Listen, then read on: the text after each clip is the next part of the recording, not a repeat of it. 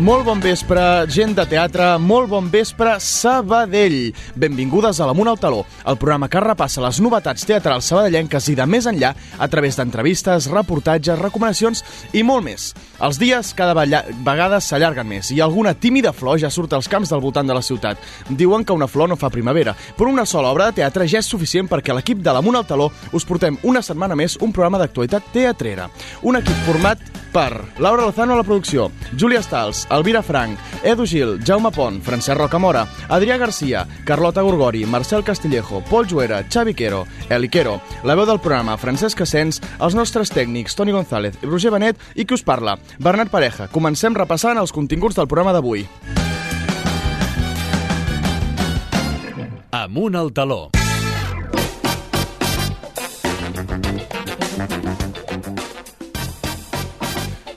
Alcem el taló. No us preocupeu que tenim més d'una obra de teatre. Era per fer només una metàfora. De fet, si seguim amb aquest simil, Sabadell aquesta setmana és un jardí preciós. Us ho explicarà en breus moments la Júlia Stals a la platea indiscreta, l'agenda teatral del programa. A l'entrevista d'avui tindrem a l'Eric Alés i el Joan Torrella, que ens parlaran sobre la reestrena de Aladí. Després parlarem amb el Jaume Pont, que ens parlarà sobre la història del teatre de la joventut de la faràndula. El 75è aniversari s'està celebrant aquest any i seguirà mentre Plataners i Talons explicant la seva fundació. Llavors tindrem l'anem d'estrena del Teatre dels Somnis i ho acabarem tot amb l'Alvira Frank, que avui ens parlarà de Pazzo a la sala Versus Glòries i Kiss Me Love, al Teatre Acadèmia. L'Alvira més internacional dels últims programes. Ja ho tenim tot clar? Doncs som-hi. Comencem com cada setmana amb la platea indiscreta. Els dimecres al vespre, amunt al taló. A Ràdio Sabadell. La platea indiscreta. Bon vespre, Júlia Stals. Bon vespre, Bernat. Una setmana més ens portes tota la programació de la ciutat aquest cap de setmana, que no és poca. No és poca, és ben llarga, però així ens agrada que hi hagi teatre a la ciutat i tinguem moltes oportunitats. Fantàstic, som-hi. Què, què tenim? Què podem anar a veure? El Teatre Sant Vicent segueix en cartell el so de la música, diumenge a dos quarts de dotze del migdia i a les sis de la tarda. Últimes representacions ja. Sí, i també ofereixen la mostra de premonis del taller de teatre a les 10 de la nit, el divendres. Fantàstic. Al Ciervo presenten els dos pillets dissabte a les 9 del vespre i diumenge a les 6 de la tarda. Aquest és l'últim cap de setmana per anar-hi, per tant, aprofiteu aquests últims dies. Fantàstic. La companyia descalça mostra Descartes i Plató dissabte i diumenge a dos quarts de sis de la tarda. Una opció per aquells que fan batxillerat, doncs que els ajudi. Perfecte. Una opció filosòfica, seguim. A la faràndula estrenen Aladí dissabte a les 6 de la tarda i diumenge compta amb dues sessions, una a les 12 del migdia i l'altra a les 6 de la tarda, fins al 19 de març. Com ja hem dit, d'aquí una estona els tindrem aquí per parlar sobre aquesta reestrena. A la bàscula interpretaran Red Pontiac aquest divendres i dissabte a les 9 de la nit i diumenge a les 6 de la tarda, fins al 2 d'abril. Fantàstic. I per últim, a l'Estruc representaran la màquina de l'infortuni dissabte a les 8 del vespre. Perfecte. Quina era l'obra fake de la setmana passada? Dèiem que al Teatre Sonats representaven Això no sona, i era ben fake. Un joc de paraules, bàsicament. Molt bé. No costava doncs molt. seguirem amb un recordatori. Sí, com sempre recordem que es pot trobar gran part de l'oferta cultural de la ciutat a l'aplicació Sincronitzats, disponible a iOS i Android, i a la web de Sabell Cultura. Fantàstic, doncs moltes gràcies, Júlia. Ens retrobem la setmana vinent. Fins la setmana que ve.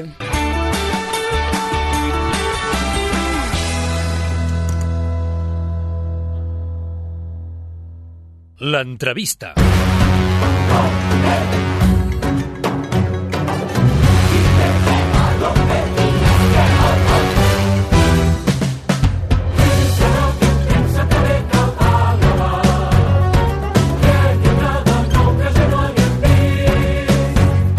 Després de presentar aquesta setmana passada al Teatre dels Somnis, la joventut de la faràndula no s'atura i reestrena l'èxit de la temporada passada, Aladí. Aquesta adaptació de la famosíssima pel·lícula de Disney va tenir una gran rebuda la temporada passada i de ben segur que des de la faràndula esperen el mateix per aquesta temporada. Per parlar-ne han vingut a l'estudi l'Eric Alés, l'Aladín i Joan Torrella, un dels dos directors juntament amb Míriam Vila. Bon vespre, com esteu? Molt bon vespre. Molt bon vespre. Abans de començar, m'agradaria preguntar-te, Joan, sobre el Teatre dels Somnis. Com va anar? Ui, va anar molt maco. Va ser, va ser això, va ser com una mena de somni col·lectiu i per tota la gent de l'entitat, però també per la gent que estava al públic. Han sigut tres funcions molt, molt, molt, molt especials. Molt, sí, molt de somni, això. Sí, sí. Mm -hmm. M'has comentat abans d'entrar que vas estar parlant amb el públic, vas tenir feedback. Què et deien? Sí, hi havia dos, tres tipus d'espectadors, els de la casa, de, o ex, gent ex de la casa que havien vingut a reviure coses, hi havia públic de tota la vida, també que van venir a reviure també moments, i gent que va venir com realment com si vingués a veure un espectacle...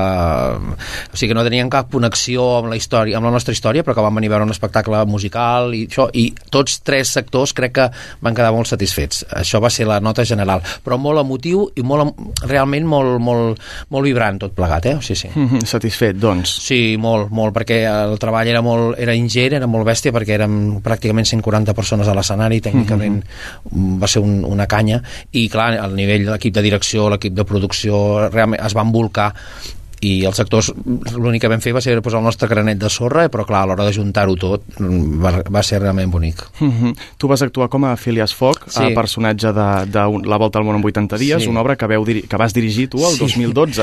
Sí, com va ser recordar aquesta obra? Home, també va ser molt emotiu, tot era emotiu, perquè mhm. -huh. em va fer il·lusió primera que haguessin seleccionat algun dels números d'aquest espectacle, perquè no oblidem que, clar, amb, amb aquests últims anys d'història hem passat, hem fet moltes coses, moltes produccions diferents, però sí, hi havia seleccionat una de les meves cançons preferides, que a més a més jo sóc l'autor de la música, per tant, era molt especial. Jo no vaig actuar en aquella versió, realment mhm. -huh. l'estrena la va protagonitzar el Jordi Jané, però aquesta vegada, doncs, per una qüestió, doncs, potser això, emotiva, tot és molt emotiu. Sí, sí, sí. Uh, em va dir, que et faria il·lusió cantar aquest personatge, i ostres, perfecte. I realment ho vaig viure això, amb molta, amb molta pell de gallina, amb molt respecte per tot, no? perquè ja feia anys també que l'havíem escrita, l'havíem dirigida, i, i perquè era un moment, va ser molt maco, inclús en el moment de l'espectacle, on, on venia la cançó, moments de solo, és molt xulo. O sigui, mm -hmm. realment molt honorat d'haver-ho pogut fer, i molt agraït als directors, clar. Que bé, que bé, que bé. Doncs tanquem ja el calaix del Teatre dels Somnis i obrim el de la DI, que ja s'estrena aquest uh, mateix cap de setmana. Com ho porteu? Doncs amb molt nervi, però sobretot moltíssimes ganes de tornar, perquè, clar, conservem molt bon record i les, les dues setmanes de funcions realment passen molt ràpid a comparació a tota la feina que hi ha darrere, tot el, tant el que es veu com el que no es veu, tota la feina no tan artística sinó tècnica que hi ha darrere és un cúmul de temps que al final es veu recompensat en això, en dues setmanetes que passen eh, volant perquè ho disfrutes literalment com un nen petit. Aleshores, eh, doncs clar, moltíssimes ganes, moltíssima il·lusió i, i no podem esperar ja tornar a aixecar el taló amb, amb aquesta obra. Es veu igual des de la direcció? Sí, sí, totalment, perquè teníem la incògnita aquesta després de tants mesos, perquè la vam estrenar al maig de l'any passat, han passat 10 mesos, i el, el, el reprendre, no saps mai el temps que et portarà a remuntar una cosa tan a priori complexa, no? Però hem trobat la gent molt en forma, hem trobat la gent amb una predisposició psicològica i física molt, molt alta, i la gent tenia un, no només un gran record, sinó un, un record de qualitat d'això, perquè els actors s'han posat les piles de seguida, és com agafar la bici i tornar a pedalar, han sigut primers assajos on el segon passe ja estaven fent l'escena una altra vegada, memòria, perfecte, tot i que aquesta vegada hem fet alguns petits retocs mini, uh, la gent, uh, tothom s'ho ha pres molt bé i, i la veritat és que ha sigut res, un mes i mig, dos de, de represa en què hem, ens hem posat les piles i estem a un nivell, francament, eh, superior a l'any passat. Jo crec que això la gent, jo crec que els que hagin vist la producció l'any passat ho notaran. I els que no ho disfrutaran, mm. i tant. Ho veus igual?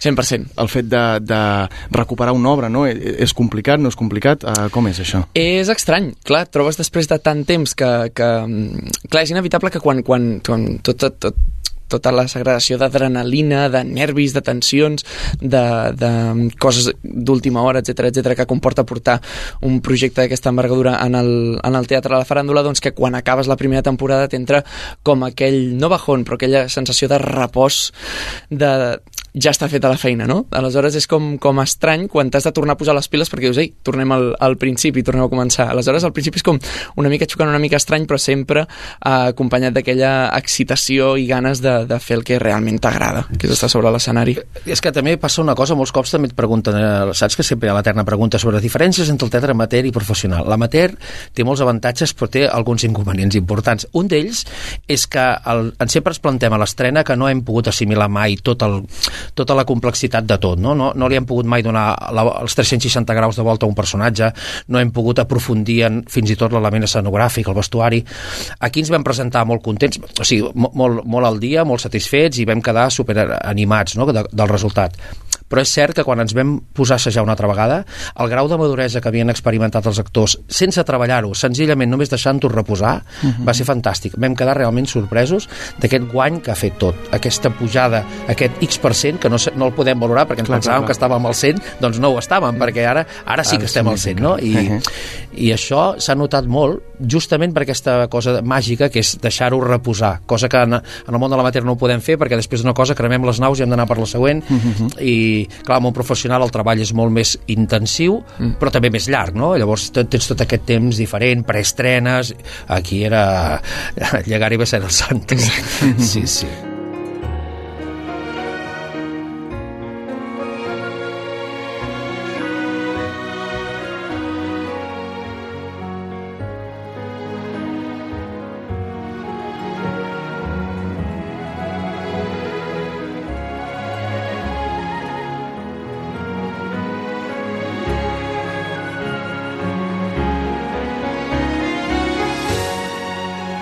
Precisament d'això del deixar reposar també us volia preguntar, perquè sí que és veritat que quan treballes un personatge tan a fons, aquest se't queda dins, inclús setmanes després, eh, veus referents, veus coses que dius, ostres, això podria haver canviat, això, eh, tal, i aquí tens l'opció no, de, de fer petits canvis, no sé si és el teu cas, que has canviat alguna cosa. Um, bueno, la veritat és que jo crec que no gaire, perquè en aquest sentit jo crec que ja vam fer un... es va fer molt bon treball ja de, mm-hmm. de primeres i ajuntat amb el que parlava el, el, el, el Joan d'aquest període de, de, de repòs de, de, això, de, de, de, maduresa en el personatge ja fa que li donis un, un puntet més i et pots centrar molt més en, en, el, en els assajos a repassar tot el que havies fet, de tot, de tot on venies i més si el, el, el públic de la primera temporada va quedar satisfet i centrar-te en, en, en perfeccionar, no tant en canviar ni en, ni en innovar, és a dir, si, si una cosa funciona, per què canviar-la? No? Sí, és allò d'intentar millorar el missatge, no? És, és com comunicar una mica millor el que ja s'estava fent, no? Però això ho vam parlar amb alguns personatges, no? Els retocs aquests, hosti, això potser més juvenil o potser més... I això els propis actors ja han fet el 75% de la feina, ha sigut francament sorprenent, eh? Però uh -huh. és això, eh? Ho has notat que eh, la gent s'ha anat trobant, s'ha anat aposentant i ara és tot molt més, tot més amunt, tot més amunt. El fet de repetir aquesta, aquestes obres la, la següent temporada eh, fa que quan agafis un projecte sigui eh, a dos anys vista, no? És a dir, que saps que aquell projecte sencer durarà un parell d'anys eh, com a mínim. Uh, com és el fet d'afrontar un projecte quan no saps què, què, què et depararà al cap de dos anys? Home, jo crec que pels actors és una incògnita personal, no? des del punt de vista que jo també m'hi he trobat a l'altre cantó i de moment, evidentment, agafes el compromís, dius que sí, i pelante, i la gent amb això és molt conseqüent. Però és cert que des de la direcció també ho veiem com un... és un camp de mines el calendari. Per què? Doncs perquè durant dos anys i mig, per exemple, entre que estrenem un maig fins que la matem, que seria el novembre de l'any següent, no? que uh -huh. encara ens quedaria una tercera tanda, poden passar tantes coses, uh -huh. i amb el tema tornem amb el mater, no? La feina, incompatibilitats, problemes familiars, salut, tantes i tantes coses I que nosaltres, evidentment, som la primera cosa que cau de moltes altres sí, llistes, sí, sí, no? Sí. I això és normal. En aquí, doncs, també ens trobem en uns casos, no? Dius, home, el repartiment és tan bo que dius, mare meva, si aguantem dos anys amb aquestes mateixes persones perquè no els hagin vingut a pescar de la lluna, eh, serem uns afortunats. De moment estem aquí, i, però ho vivim amb una certa inquietud sempre sí. i sempre estem preparats pel que pugui passar vale? els actors ho viuen diferent però mm. què, com ho vius tu això? Jo no ho hagués dit millor, clar, al final són dos anys de la teva vida que per molt que en un principi acceptis amb molta il·lusió tu no saps exactament ni què passarà ni què no passarà i, mm, i això sí que és complicat el fet de, de saber a, a tants anys vista doncs com estaràs i sobretot és una gran desavantatge del teatre amateur que tot, aquí, tot que tot i que el nivell, jo crec, particularment d'aquest projecte no desmereix absolutament res en comparació amb un projecte professional, um, sí que és veritat que la desavantatge en comparació amb el professional és que amb el professional doncs, pots um, adquirir aquesta prioritat de dedicar-li um, tot, tot el teu temps i energia enfocat en allò fins que el projecte acabi. Però en l'amateur, clar, és la, la desavantatge de que com vulguis o no has de tenir altres vies obertes, altres camins, altres projectes, segueixes amb la, amb, amb la teva vida per on creus que ha d'anar, que ja costa això de per si, doncs, doncs clar, això fa que a vegades doncs, encara que no vulguis, doncs que a vegades et desviï no, d'aquests projectes que et fan tanta il·lusió fer i que per A o per B no ho puguis um, combinar, però bueno, mentre es pugui seguirem tirant endavant i ho seguirem disfrutant. Mm -hmm. Per qui no ho sàpiga, Eric, tu ets una de les cares del nou canal Super 3. No sé si sabies quan vas començar el projecte de l'Adí uh, que ho acabaria sent o no i, i, i com has pogut compaginar-ho, això? Uh, doncs exactament no, i recordo que qui menys ho sabien uh, eren els de la DI, perquè de fet recordo que um, la fase de càstings, o sigui, la bateria de càstings heavy de, de Projecte Beta va venir just als assajos de la primera temporada de la DI, si no recordo malament. Uh -huh. Perquè és això, recordo, recordo estar compaginant um, venir de càstings i anar, i anar als assajos i no sé què, i no, i no bueno, jo sóc molt, molt com es diu això, quan tens moltes premonicions de...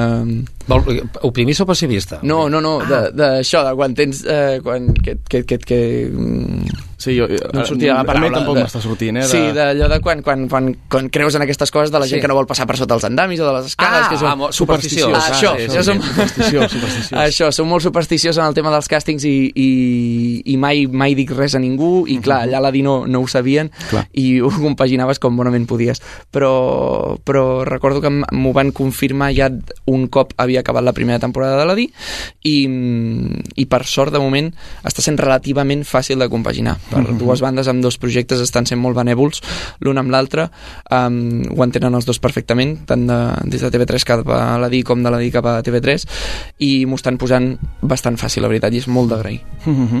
Una de les coses que penso que fa molt bé la joventut de la faràndula és es, a penjar les cançons a Spotify un cop s'acaba la, la temporada. penses bé Escoltem-ne un fragment.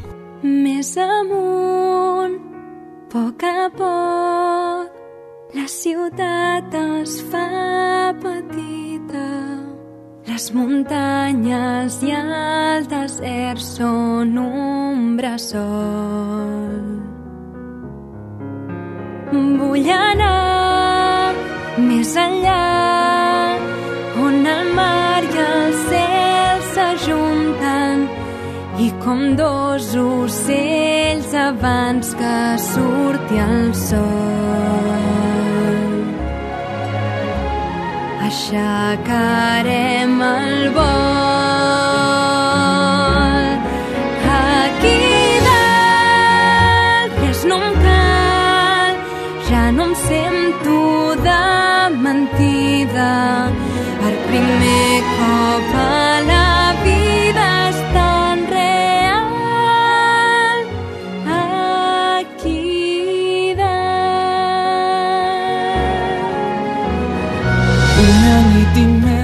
Vosaltres noteu eh, que això fa que hi hagi més públic expert, entre cometes, amb les cançons, que se les sàpiguen més a mesura que van avançant les temporades? Nosaltres ara molta experiència no la tenim perquè justament ara Clar, ens ara trobarem comenceu. amb el públic que ja tindrà les cançons. El que passa que per poc que miris una mica el nivell de descàrregues o d'escoltes, clar, ja veus que hi ha molta gent que ho ha sentit. Per tant, creiem que sí que això generarà una certa, una certa afició o hasta un cert friquisme, no? D'allò de dir, Sí, sí, hosti, sí, doncs sí. ja hi ha algú que se les sap totes. Jo ja m'he trobat molta gent aquest temps que et diuen pel carrer "Ostres, és que no para de... el nen sempre em demana no sé què I, i cada canalla tenen la seva obra preferida pot ser la Sí, dic com sí, pot sí. ser jo què sé, el, el préssec gegant no? que no fa gaire que, que es va pujar també diguem que això, però estic segur que ja hi haurà un, un sector del públic al qui hi haurà calat això, segur, Mhm. segur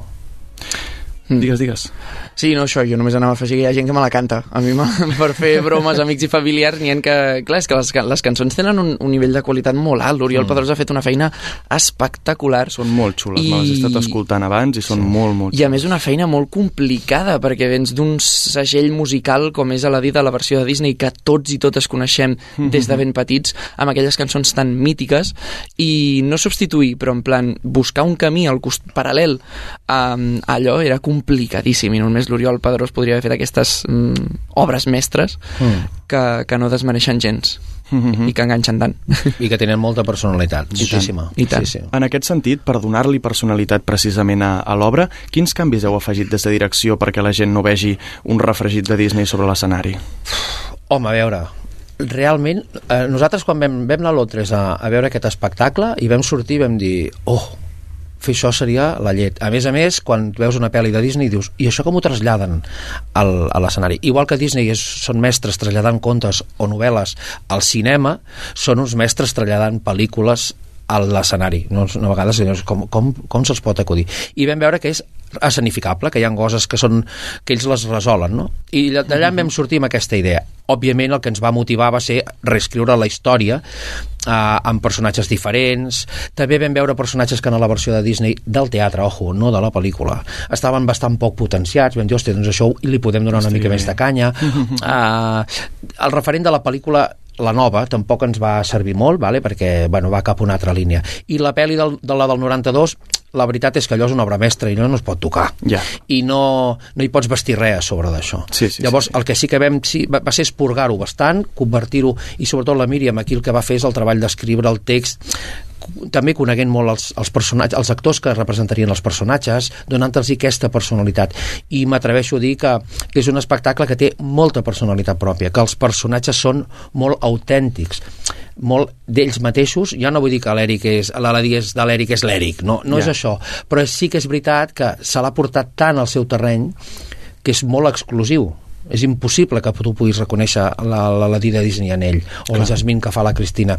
Això és impensable, el propi Jafar que fa el, el, el David no? és, convido a veure aquesta creació perquè ja no només és una creació a nivell de text sinó que li hem donat una volta en aquest personatge que ja no estem parlant del dolent de la pel·lícula sinó que estem parlant de dolent o potser el còmic, no ho sabem no? té, té aquesta dualitat això és el que hem intentat fer marxar de, de la línia no vull dir argumental perquè és la que sabem però marxar de la línia de l'estil de la pel·lícula i això crec que hem aconseguit que tingui aquesta personalitat Uh -huh. uh, doncs, de totes maneres, creieu que veure la pel·lícula és un afegit per tal de disfrutar de l'obra o no és necessari? A què et refereixes? A si has de veure la pel·lícula expressament per poder entendre l'obra? si, si la gent que l'ha vista la gaudirà més o, o no. Sí, Sí? i tant. Sí, sí, sí. A veure, qui no ha vist la dia a dia d'avui? No? Això també però, això també és veritat. però sí que és cert que, clar, o sigui, el fet d'haver vist la pel·lícula et fa, fa que, mm, que coneguis ja, doncs això, el fil argumental, X personatges, X coses, i et dona la llibertat de poder relaxar-te i centrar-te en disfrutar en els matisos nous que hem afegit, que no són pocs, mm. que tu et dongui la real gana mm donar-li aquell enfoc, no? aquell, aquell incís de dir, doncs mira, doncs m'agrada més um, com ja sé de què va, em centraré més, jo que sé, en la interpretació del geni en els tres amics, en les tres amigues en el Jafar, en Nix, en I, en els decorats, en els números, en les coreos Sí. hi han mil incentius nous que acompanyen tot el que ja coneixes que fan que, que això, com he dit, doncs et puguis asseure a relaxar-te i disfrutar com un nen petit sense haver d'estar patint absolutament per res de ai, entès, no entès, no, perquè ja ho saps. I també descobrir eh, alguns personatges que et, potser et sorprendran perquè tenen una part que no esperaves dintre de l'espectacle. Tenen una mica més de protagonisme o, no sé, parlem del sultà, per exemple és un personatge molt, molt sobreeixit no? que, que potser en algunes pel·lis que Disney a l'última pel·li també intenta fer donaré a la noia una altra personalitat el sultà serà no sé què eh, afegeixen també alguns personatges nous per conduir, però el fil, el fil, el que deia l'Eric, eh, el fil argumental relaxa't perquè és la mateixa història que, que tot comença fregant una llàntia Sí, sí, sí, i d'acord, eh? vull dir que és això Doncs ja ho sabeu, a la DI, dissabte a les 6, diumenge a les 12 del migdia i també a les 6 de la tarda, aquest cap de setmana i el vinent. A Eric, Joan, moltíssimes gràcies per a venir. vosaltres a vosaltres per convidar-nos bon vespre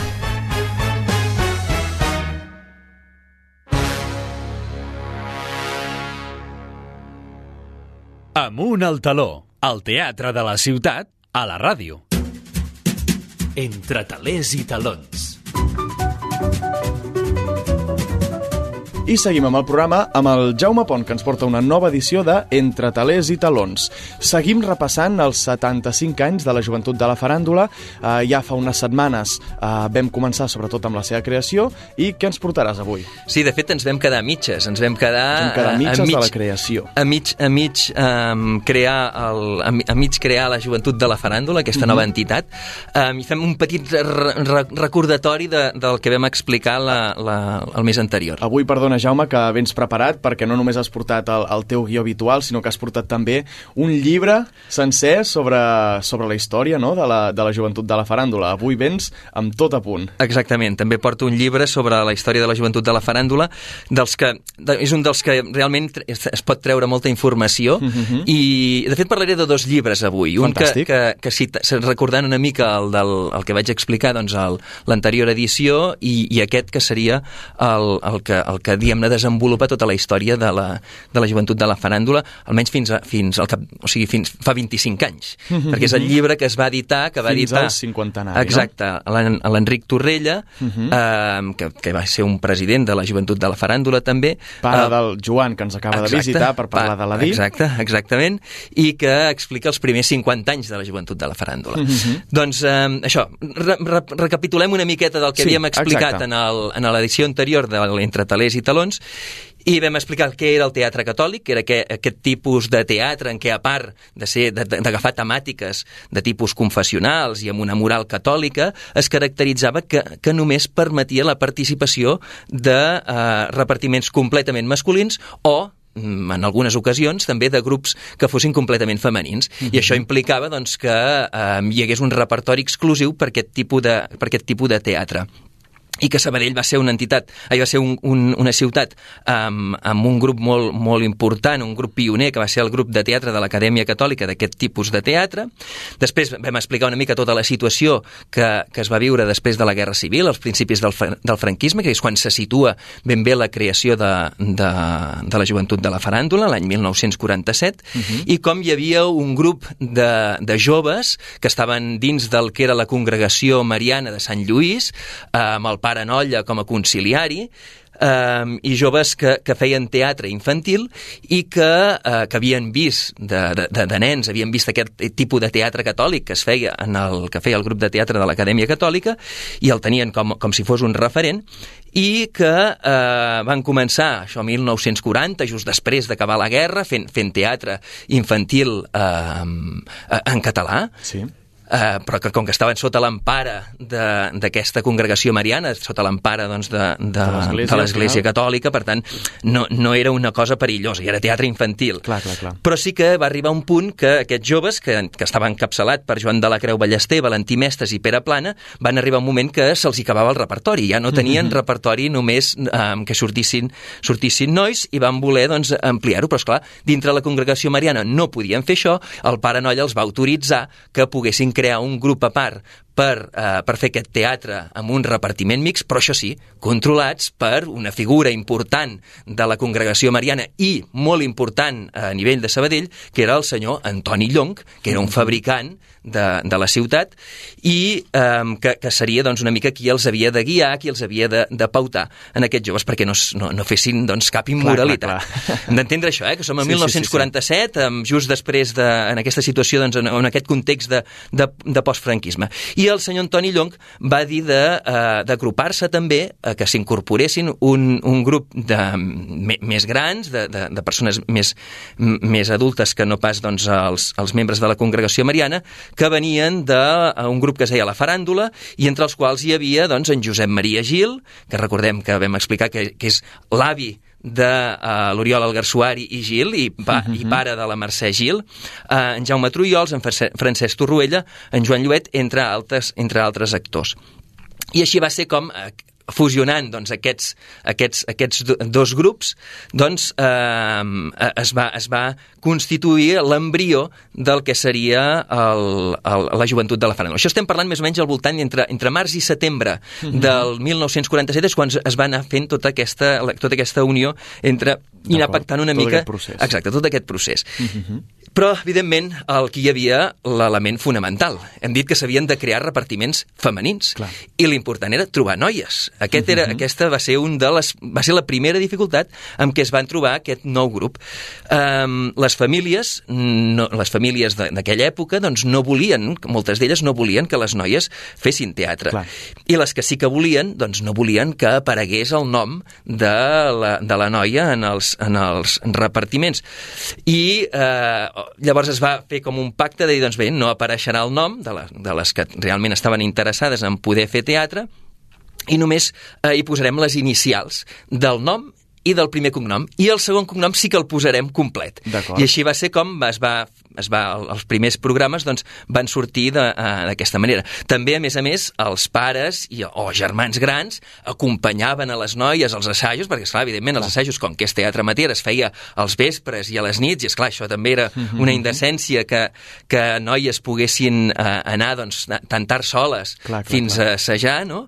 I, i, i entre totes elles, una, la, de, les primeres, de les primeres noies que, que va actuar, també és una persona doncs, que, que, que penso que val la pena destacar dintre del que és el panorama teatral sabadellenc, que és la Carme Rocabruna, uh -huh. que, que va ser la primera noia, de fet, que es va integrar a dintre d'aquest nou grup, que, que seria la joventut de la faràndula, i que Carme Rocabruna ha estat vinculada al món del... o va estar vinculada, perquè doncs, ara ja no és entre nosaltres, en el, en el, en el teatre de la ciutat fins doncs, al llarg de tota la seva vida i els, i els últims anys va estar vinculada eh, al Teatre del Sol, ocupant-se sobretot del vestuari en el Teatre del Sol. Vull dir que és una persona d'aquestes que ja Sí, des de ben sí, sí. jove va entrar a fer teatre Que s'ha de saber qui és per entendre el Exacte. teatre de la ciutat. Exacte, que va entrar a fer teatre doncs, a dintre la joventut de la faràndula i doncs, eh, eh, això, doncs, doncs eh, va, va continuar vinculada amb el teatre doncs, durant molts anys. Primer la joventut de la faràndula i després el Teatre del Sol.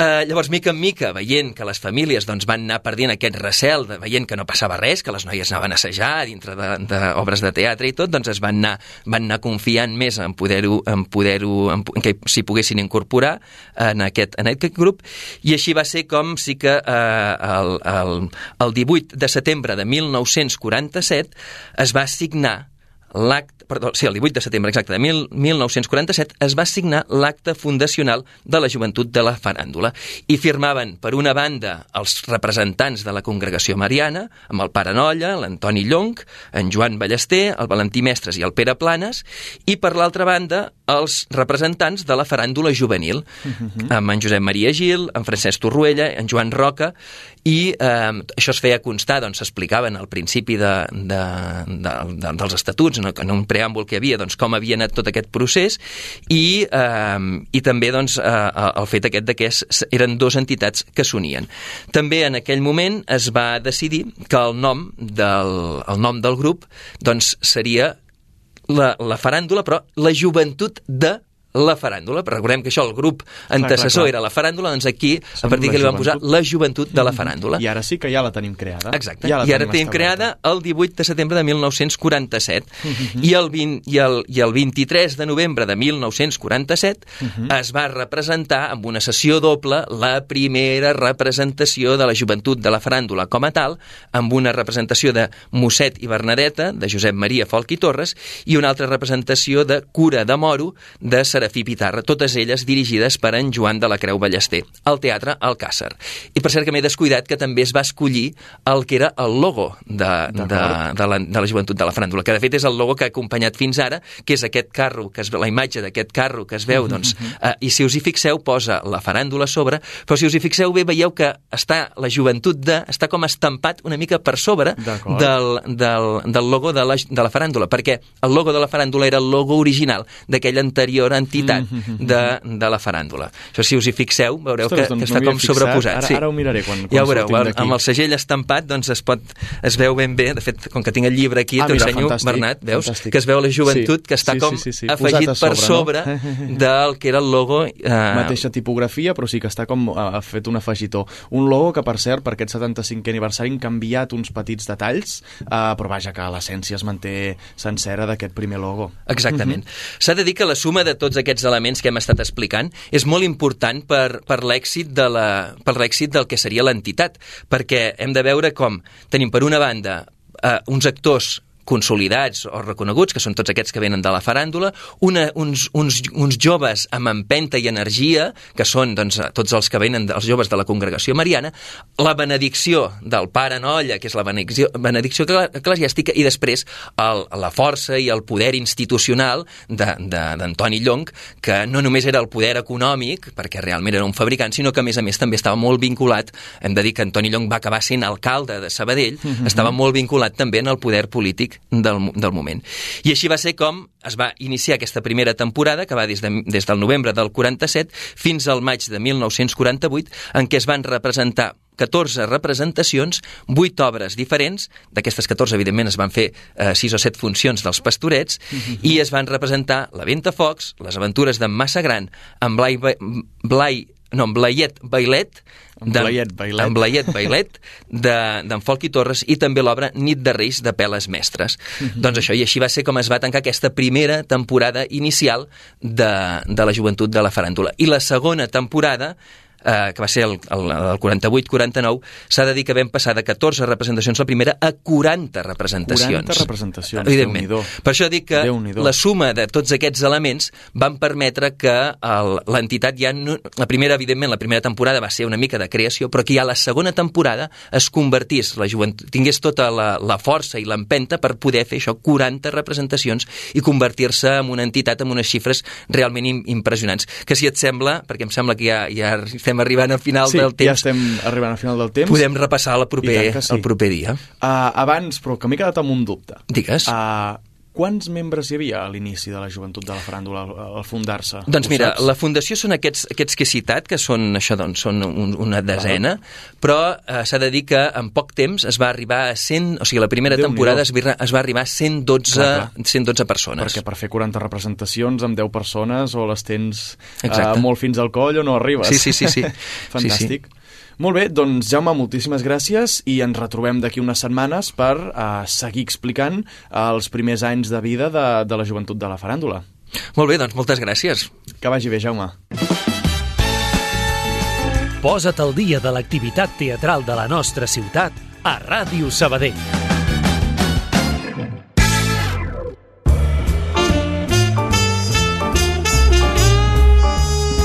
Anem d'estrena.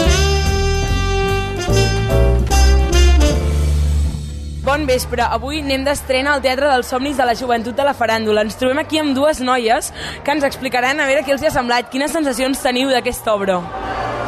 Bueno, doncs ha sigut molt xulo l'experiència i tot, el, les llums i tot ha, ha estat superxulo, la veritat, sí, sí. Era molt real perquè era com la simulació de l'assaig d'una obra i ha estat molt xulo i semblava molt real tot. Heu reconegut molts dels personatges que sortien a l'obra? Sí, bastants, perquè molts els coneixem i això, i ja ens havien dit qui eren i estava... Sí, tots, tots eren de, de um, pel·lícules molt conegudes, sí. L'obra està formada per diferents obres que s'han fet al llarg d'aquests 75 anys a la faràndula. Les heu vist totes o gairebé totes? És que, aviam, tampoc sé quantes n'han fet, però de vistes n'he vist bastantes. Jo no n'he vist gaires, però com que sortien tres persones que coneixia, doncs m'ha vingut per venir-los a veure i ha estat molt xulo. Ara ens trobem amb la Maria Teresa i la Dolors, dues espectadores de l'obra. Què us ha semblat? Doncs espectacular, la veritat és que molt emocionant. Vull dir, jo he portat els meus fills tota la vida i clar, o sigui, emoció. Jo he vingut a veure poques obres i la veritat és que m'ha al·lucinat. He trobat encantador, preciós, que a més a més doncs, tots els artistes s'ho han treballat moltíssim, que es nota que hi ha molta emoció i que hi ha molta vivència de molts anys i que realment doncs, aquests 75 anys són molt emocionants per tothom, no? Es nota aquesta vivència tan espectacular. Heu reconegut molts dels personatges que ja sortien a l'obra? Sí, la, quasi tots, la veritat. Sí, sí, perquè ja et dic, les he vist totes jo, pràcticament, llavors... Sí, els hem reconegut perquè s'han presentat i la veritat ha sigut molt bonic. Sou d'aquelles persones que porten gran part de la seva vida vivint aquest teatre, la faràndula, no? Llavors, creieu que ha canviat? Hi ha hagut molts canvis des que va començar fins ara? Refereixes canvis, o sigui... Canvis en la manera de fer les obres, en el públic, en tot? Han canviat, ara realment la majoria són musicals, teatre de text n'hi ha molt poc. Llavors els actors són cada vegada més polivalents, han de saber cantar, ballar, actuar. Això ha, ha fet aquest canvi, penso. La majoria d'espectacles de Sabadell, eh? Bueno, en el meu cas, porto poc temps ve veient-los i sí, realment hi ha un canvi des de que els vaig començar a veure amb ara. Sobretot doncs, per aquesta manera de ballar, d'aquesta modernització i que està, és un teatre com molt actualitzat. Bé, doncs estic aquí, estem aquí amb el, amb el Xavi, que fa de Lumière, en, uh, de, que és de La Bella i la Bèstia, en l'obra aquesta del, del, del Teatre dels Somnis. Uh, què ha sigut per tu participar en aquesta obra? Què tal, com esteu? Doncs mira, eh, què ha sigut per mi? Ha sigut pues, un, un regal, realment un regal i una celebració, que és el que estem fent aquí l'entitat, la Joventut de la Faràndula, celebrar 75 anys. I d'aquests 75 anys tothom ha pogut viure una petita part dels que hem pogut compartir entre nosaltres. En el meu cas, poder compartir pues, els 10 últims anys d'obres de, de teatre que he fet aquí, com el Màgic 2, La Bella i la Bèstia, o inclús eh, jo mateix he pogut dirigir a la meva última producció, que és el Préssec Gegant, el Préssec Gegant que es va fer a l'última temporada fa un parell d'anys, no, un any, justament. Clar, tenir aquesta oportunitat tan meravellosa que em dongui la joventut de la faràndula de participar com a actor i com a director i com a guionista amb els seus projectes, poder-ho celebrar amb tota l'entitat i amb tots els personatges que hem pogut introduir en el Teatre dels Somnis és un regalazo, és un regal. Creus que a partir d'aquesta obra del 75è hi haurà un canvi en el teatre de la faràndula? Crec que de canvis no n'hauria d'haver perquè és que de moment hem pogut trobar a dia d'avui un equilibri meravellós que és ser una entitat en la que estem molt units, en la que hi ha molta gent i molts socis que tenen una ment creativa que flipes i que tothom té ganes d'actuar, d'estar de, dins de, de l'equip de maquillatge, de tècnic, de regidories, de vestuari i tothom, tothom els socis crec que no volem buscar cap canvi, al revés, volem involucrar-nos més en tot cas. Ara, que tindrem el canvi quin pot ser? Tenir ganes d'arribar als 100 anys. Anirà, anem a directe als 100 anys i poder-ho celebrar. Aquest seria el canvi. I porteu molt temps assajant aquesta obra, als 75 anys? Gens. De fet, és la producció que ha fet rècord en, te, en timings de la joventut de la faràndula. Amb tan sols un mes i mig hem aconseguit fer el que acabeu de veure. Com veieu les generacions que pugen? Mira, brutals, brutals. De fet, jo ara, cap a 10 anys que hi soc, doncs, nens petits que van poder sortir, que van sortir de Menuts al Màgic 2, van acabar siguent ballarins a, a la Rapunzel, en acabar, acabar, jo estic segur que acabaran sent personatges cantants i protagonistes en les properes funcions, inclús directors. Eh, mm, jo crec que aquestes generacions venen molt fortes i mo amb molt talent, he de dir, molt talent. Bones, què us ha semblat l'obra aquesta que, que he vingut a veure del Teatre dels Somnis? Molt bé, molt xula i un gran record de totes les obres que s'han fet aquí. Superxuli! Molt divertida. Molt emocionant, després de, de tots els anys, molt emocionant, tot recollit. Havíeu vingut a veure altres obres de la faràndula? Sí. Sí? Sí, sí, sí. Sí. Sí, no? Sí. Hem vingut a veure l'Aladi, el Rapunzel, Blancaneu, sí, sí. Heu reconegut els diferents personatges? Quin us ha agradat més?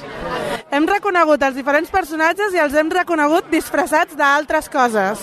Com, per exemple, l'home llauna és el satanàs famós. Estic aquí amb el Miquel Rosselló, que, bueno, que en aquesta obra ha fet el, el personatge del, de l'home de llauna.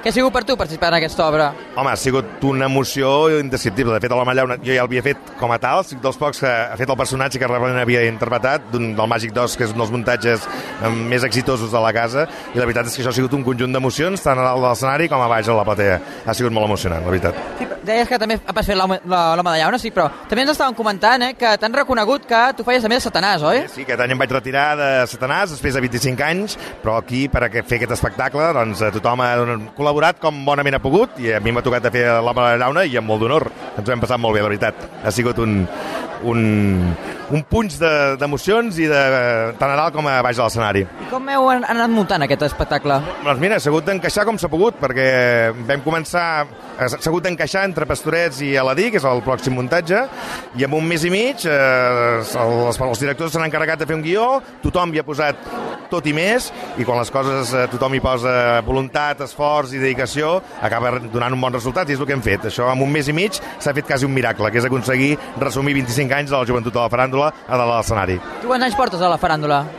42 o 43, molts anys, sí, tota una vida. Has sortit a moltes, a moltes obres, no? Moltes obres, moltes obres, sí, sí. De fet, molts dels personatges que avui sortien aquí jo els havia interpretat en el moment original quan, quan es feien eh, les produccions de Joventuts del Faràndula al seu moment. Blancaneus, el Màgic 2, La Villa i la Bèstia, els Pastorets, vull dir, tots aquests muntatges ja hi havia participat amb algun dels papers que avui, alguns dels personatges que avui ha sortit allà a la tarima. I què els diria als nostres oients perquè vinguin a veure obres aquí a la faràndula? Home, jo penso que només veure com està el vestíbul i quina ebullició d'emocions ha, eh, quan la gent surt de l'espectacle, eh, ja et convida a venir i a passar una bona estona, eh, treure's la mandra un diumenge a la tarda que fa a vegades eh, ganes de deixar-se, de- d'estirar-se o de sentar-se al sofà, doncs mm, superar aquestes mandres i venir aquí al Teatre de la Faràndula i passar una estona superdivertida, que això al final també és una manera de que els familiars, tothom estigui eh, fent cultura i fent gran la cultura del nostre país, de la nostra ciutat. Els dimecres al vespre, amunt al taló. A Ràdio Sabadell.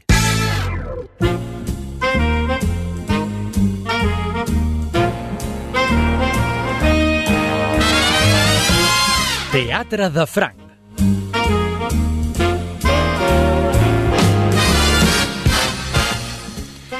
I ens acompanya ara, per acabar ja el programa, l'Alvira Frank, com cada setmana. Elvira, bon vespre. Hola, bon vespre. Com estàs? Doncs bé, bé, Sí? bon vespre a tu i als oients també, eh? Uh, mira, hi ha molt teatre ara a Hi ha molt Barcelona. teatre, Hi ha, molt teatre, hi ha moltes estrenes que no donem l'abast, perquè s'ha acabat la temporada d'hivern, diguéssim, de, de Nadal, de les obres que van estrenar per Nadal, i han estat fins al, al finals de febrer, i ara tots els teatres van estrenant. Sí, sí, sí, sí. sí. I, I bé, hi ha una programació enlluernadora. doncs avui ens en portes dues. Mm. Uh, he dit el, a la introducció, al sumari, que parlaries de uh, Kiss Me Love al Teatre Acadèmia, que aquesta ho he dit bé, Sí. però m'he equivocat, dient que parlaries de Pazzo, a la Sala versus Glòries, i no, parlaràs de uh, Tots eren uh, els meus els fills. meus fills. De Pats en parlaré la setmana que ve. Fantàstic, doncs mira, Perquè ja, ja, ja, l'he ja he fet un spoiler, ja ho he avançat. Ja, ja l'he vista, però en parlarem la setmana que ve. Ja saps que a la Perfecte. ràdio el, el temps és molt limitat I tant. i me la guardo per la setmana que ve. Perfecte, Perquè, doncs- saps per què? Perquè la fan més temps. Clar. Llavors intento sempre mirar de, de parlar de les obres que, que s'acaben més aviat, clar, clar, diguéssim, clar. eh? I com que Pazzo, que mi em va agradar molt, ja en parlaré la setmana que ve, que he dit, uh, la fan fins per l'abril, Mhm. penso que els oients encara tindran temps d'anar-hi. Doncs sense fer-ne crítica, a Pazzo, que encara queda temps, la recomanes? Sí. Val, doncs mira, uh, així és un format una mica diferent, perquè potser algú la va veure aquesta setmana Ah, sí. i ja s'escolta el programa sabent que hi serà la, la Exacte, teva crítica, però la no? setmana que ve, si ho voleu escoltar, això mateix, Doncs sabreu mira. una mica de què va, i qui, qui l'interpreta, i tot una Molt bé, miqueta. no, no, no ens avancem tant, No. però uh, fem-les d'aquesta setmana. Amb quina vols començar? Comencem per Tots eren els meus fills, Perfecte. que és la primera que vaig veure. Vaig una mica també, depèn una mica l'ordre de que vaig a, veure les funcions. Molt bé. I també, el que he dit, eh, de quan s'acaben, de quan estan, fins quan estan programades. D'acord, el Teatre Doncs, Lliure, oi? El Teatre Lliure, el Teatre Lliure de Montjuïc, eh, la sala gran, eh, de La Fabià sala Puig- gran, que maco. La Fàbia Puigcerver. Molt sí, bé. la sala més gran de tots. Amb una direcció de David Selves i una traducció de Cristina Genevat.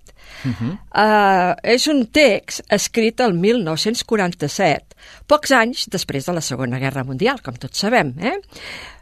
Un argument força oportú, ara que fa un any de l'espantosa invasió del poble ucraïnès i que, com totes les guerres de tots els temps, serveix per destruir i tornar a construir i per enriquir, sobretot, els fabricants d'armes. Uh -huh. Sempre ha passat això. Sí, sí, sí. Eh? Aquesta, és del, aquesta obra és del 1947, però ara encara continua igual. Bueno, i, i- esperem que hi hagi algun dia no? que s'hagi de parlar d'això, passava abans, però vaja, té Tant pinta que serà un argument no sé si, universal no sé si ho veurem nosaltres, durant això. uns quants anys sí, encara. Sí, i tant. Doncs aquest cas de, dels fabricants d'armes és el cas dels protagonistes de l'obra. Uns fabricants d'armes americanes que van enviar, tot sabent-ho, unes peces defectuoses d'uns avions bèl·lics, causant la mort a 21 persones, 21 pilots, 21 D'acord. pilots. Eh? Però el trama, la trama va molt més enllà.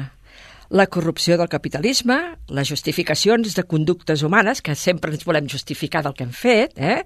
la culpabilitat amagada, les ganes de canviar el món, del jovent, el que això que deies tu, a veure si podem canviar una mica el món, i les mentides i enganys que tenen cada família. Entre ells també hi ha aquests secrets no? Clar. que, que de pares a fills a vegades no, no ho vols explicar. Potser per la vergonya que tens Sí, del sí, que sí, has sí, fet. sí. Eh? Una mica és això. Una família com moltes, amb un forat negre, tal com escenogràficament es representa en un moment de la representació. Un Mhm. enorme forat negre que la societat tenia i que continuem tenint, eh?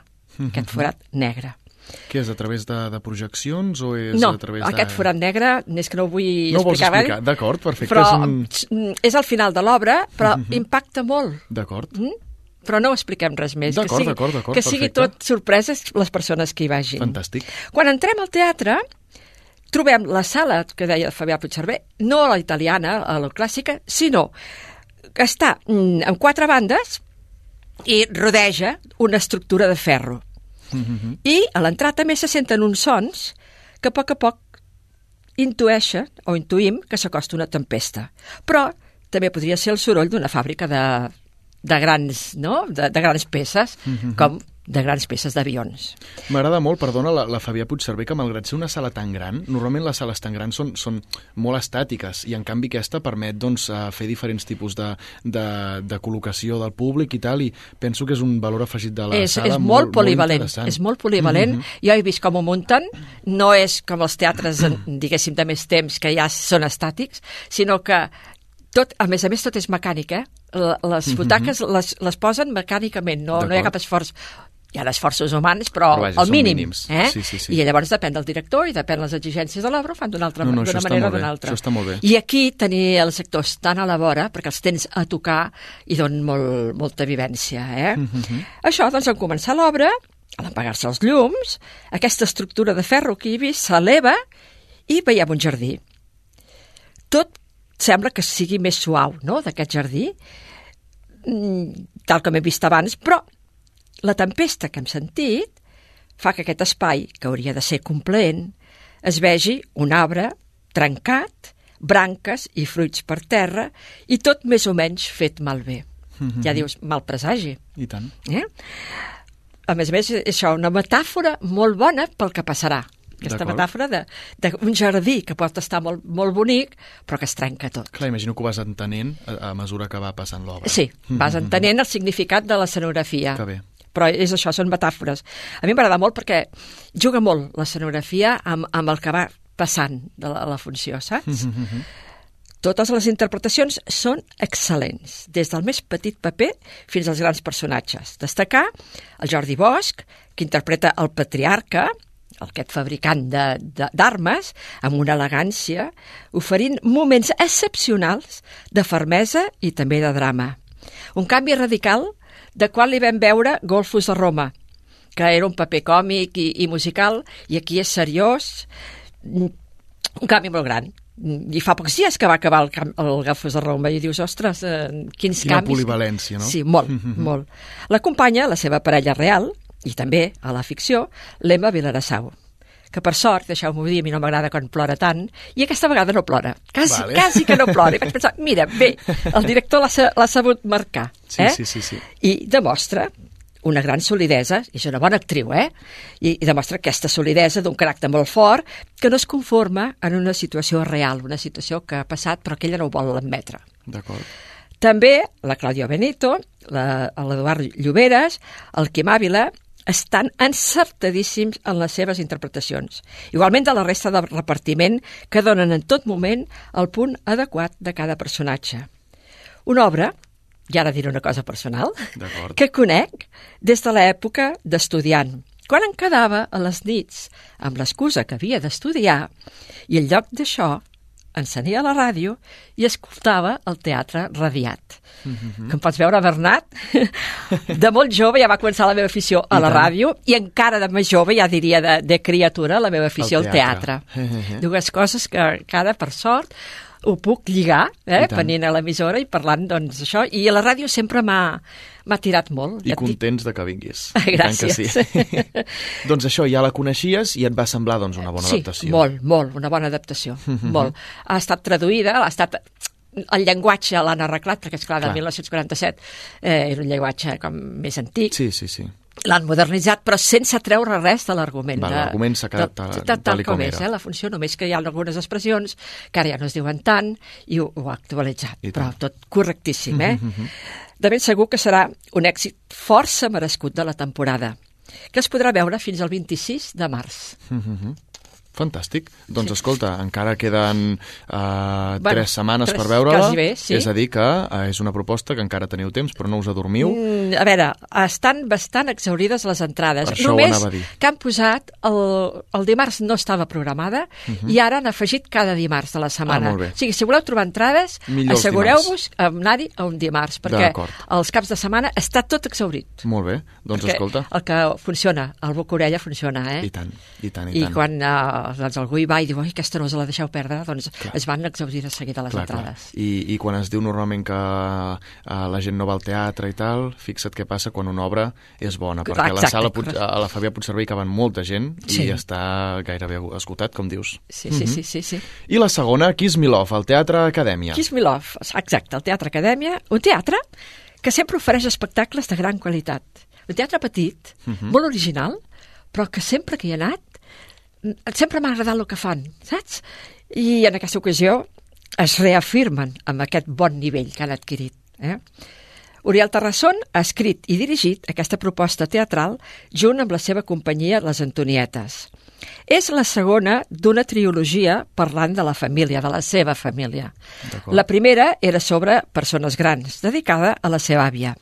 Ara ho dedica al seu pare.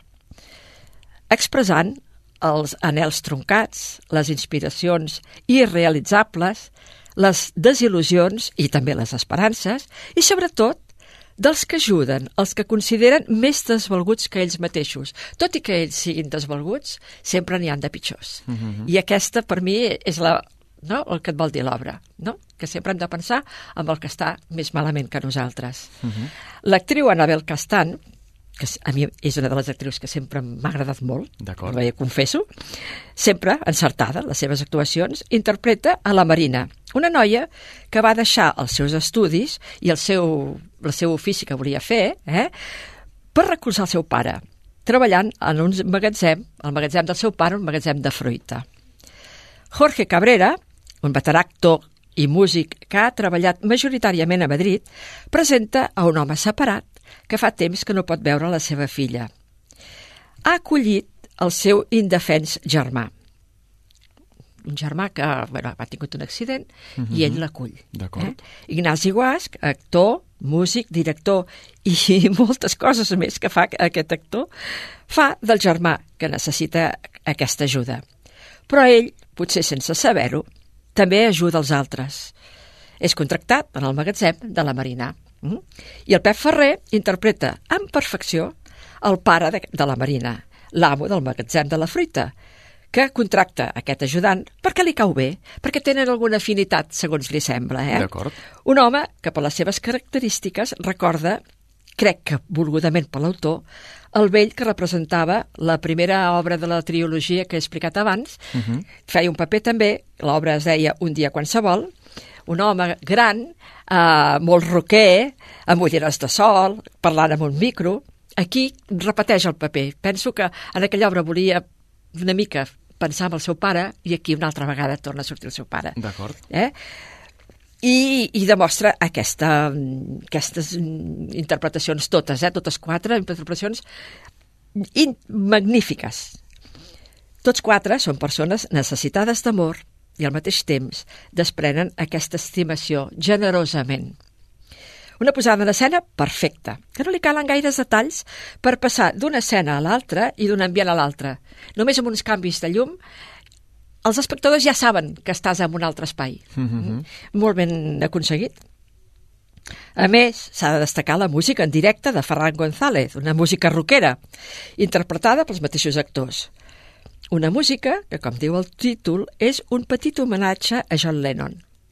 Un dels personatges de l'obra es fa dir Lennon, però diu, però sense, amb dues, només amb una N, eh, no amb dues, només amb una N, per aquesta, no, aquesta passió que tenen pels Beatles. En paraules de l'actor i el director, diu, la música potser és l'eina de comunicació més directa que hi ha. Connecta amb els racons més amagats de nosaltres mateixos. Unes boniques paraules sobre I la tant. música. És veritat, la música entra per la pell, entra per Sí, tot. sí, sí, sí. Eh? Qualsevol cançó et fa sentir uns sentiments. I tant, ens connecta d'una forma que, Sí. que hi ha molt poques altres Exacte. uh, coses que ho fagin. Sí. Mhm. Dir també que al Teatre Acadèmia saben aprofitar amb enginy l'estructura tan original de la sala. Si heu estat, veieu una escala al fons, uh, uns marcs... És, un, és molt original la sala. Mm -hmm. I que en, en totes les seves representacions es poden veure recursos molt imaginatius, tant siguin d'il·luminació, de filmacions o de qualsevol idea escènica. Una proposta, ja dic, molt, molt recomanable, que estarà en cartells fins al dia 19 de març. Fantàstic. Doncs, Elvira, uh, moltíssimes gràcies per les dues recomanacions. A vosaltres. Uh, ens veiem la setmana vinent amb Pazzo i una altra. En Pazzo i una que altra. ja sabrem quina, Exacte. quina és. Aquí quedem l'incògnita. Molt bé, doncs gràcies, Elvira. Vinga, adéu-siau, fins la setmana que ve.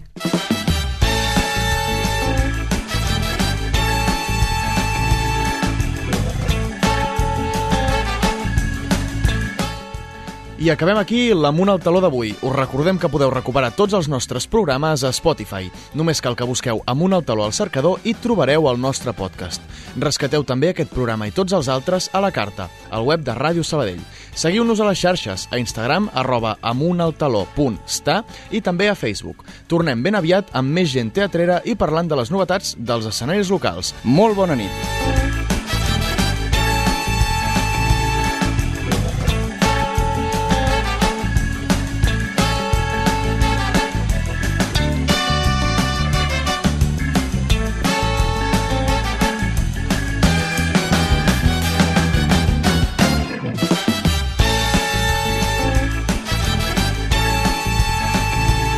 Amunt al taló, al teatre de la ciutat, a la ràdio.